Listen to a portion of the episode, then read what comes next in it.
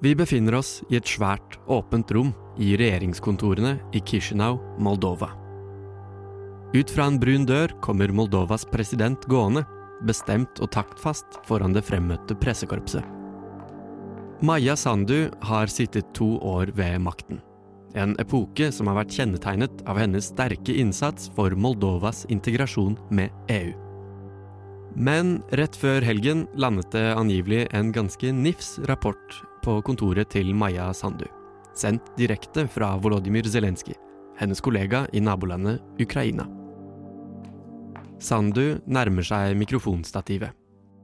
Tonen er alvorlig idet Sandu skal holde en svært uvanlig tale, kringkastet over Facebook Live og landets største TV-kanaler.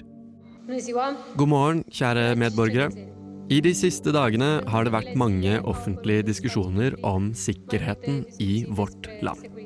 De tidligere uttalelsene fra president Zelenskyj om den russiske føderasjons planer for å destabilisere republikken Moldova, vel, disse planene har blitt bekreftet av våre institusjoner. Det var bare en liten forsmak. Her kommer hovedretten. Enkelte deler av den moldovske opposisjonen, i tett samarbeid med russiske etterretningstjenester, konspirerer angivelig til sabotasjeaksjoner, gisseltakning i myndighetenes kontorer og direkte statskupp. Sandu har bedt moldovske institusjoner om å overholde maksimal beredskap. Klokka tikker, og mange er nervøse idet opposisjonen har annonsert store demonstrasjoner nå førstkommende søndag. Sabotasjeplanene skal også følgelig involvere fotballhooligans og deltakere i en bokseturnering fløyet inn fra Serbia og Montenegro. Journalister skriver at disse gjestene fra Serbia og Montenegro har blitt vendt tilbake og nektet innreisetillatelse. Preventive tiltak førte også til at torsdagens fotballkamp mellom Partisan Beograd og Sheriff Tiraspol ble avholdt utenfor publikums øyne. Og som om det ikke var nok, så stengte myndighetene luftrommet tirsdag formiddag angivelig etter en hvit overvåkningsballong ble observert flyvende over moldovsk territorium. Det er et portrett av et Moldova i krise. Maja Sandu anklager særlig én mann ved navn Vladimir Plahotnjuk, oligark og politiker sanksjonert av USA for sine tette bånd til russiske myndigheter. Vi kommer tilbake til han Plahotnjuk litt senere. Siden 90-tallet, da Moldova fikk sin selvstendighet fra Sovjetunionen, har politikken i landet vært litt som en pendel, svingende frem og tilbake mellom to svært ulike visjoner.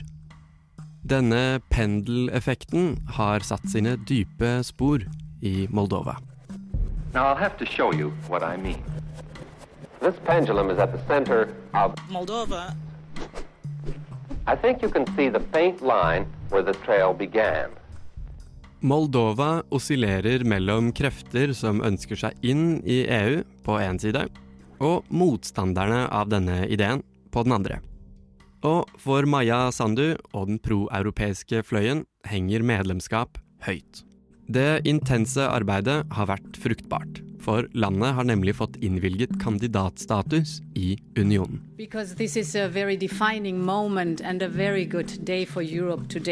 I warmly congratulate President Zelensky, President Sandu, President Zurabishvili of Ukraine, Moldova and Georgia in these troubled times.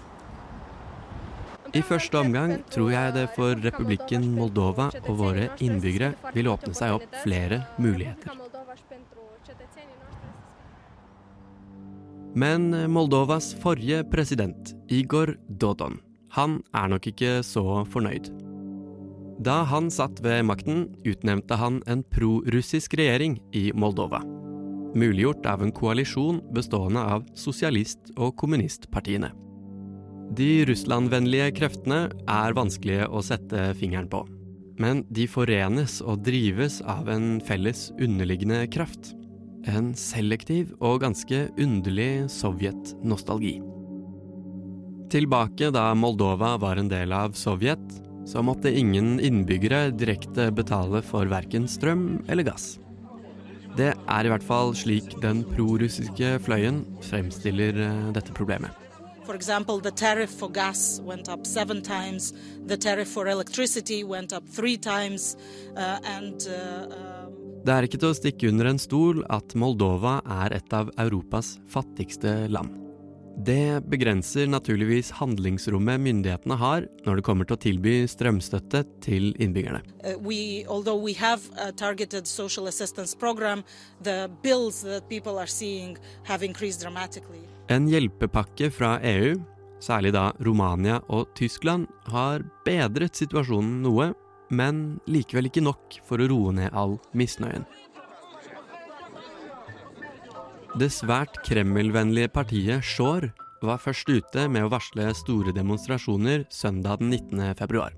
De krever at myndighetene faktisk betaler alle innbyggernes strømregninger. Det er et krav som myndighetene i Moldova ikke har råd til. Flere eksperter mener det er ren taktikk.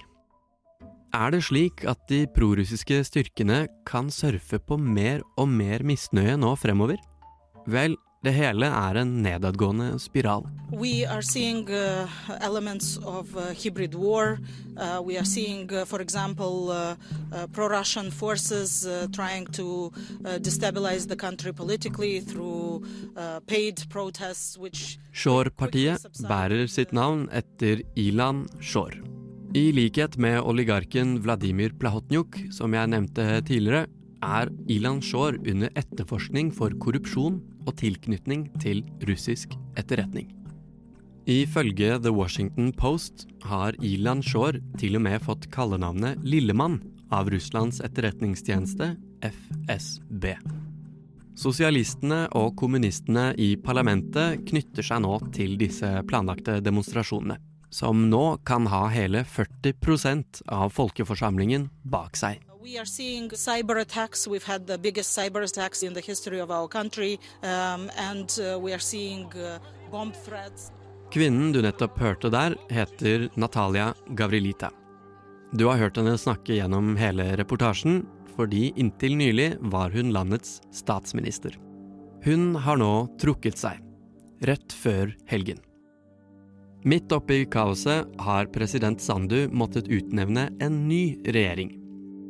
Alles øyne er nå på Moldova, Maja Sandu og den nye statsministerkandidaten Dorin Recian. Moldova's president, Maya Sandu, has accused Moscow of plotting to overthrow her administration using foreign saboteurs disguised as protesters. Vil Moldova kunne renne over av små grønne menn, slik vi så i Krim og Donbas?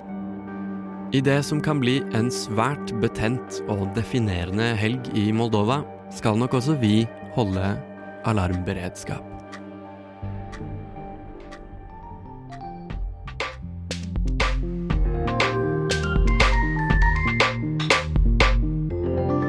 Du har hørt på en Radio Nova-podkast.